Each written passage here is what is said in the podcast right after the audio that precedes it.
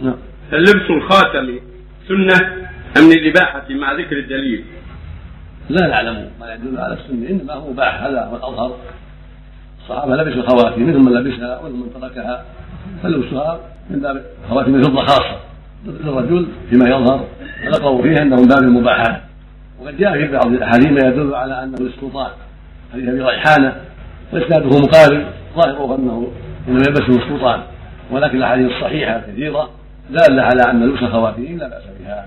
للرجال مطلقا. ولو كان غير ذلك سلطان فهي أصح. من حديث أبي ريحانة. وحديث ريحانة صح.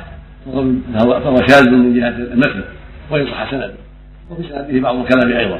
فالحاصل أن الصواب أنه يجوز لبس الخواتيم للرجال من الفضة لكن على سبيل الإباحة لا على سبيل السنة نعم.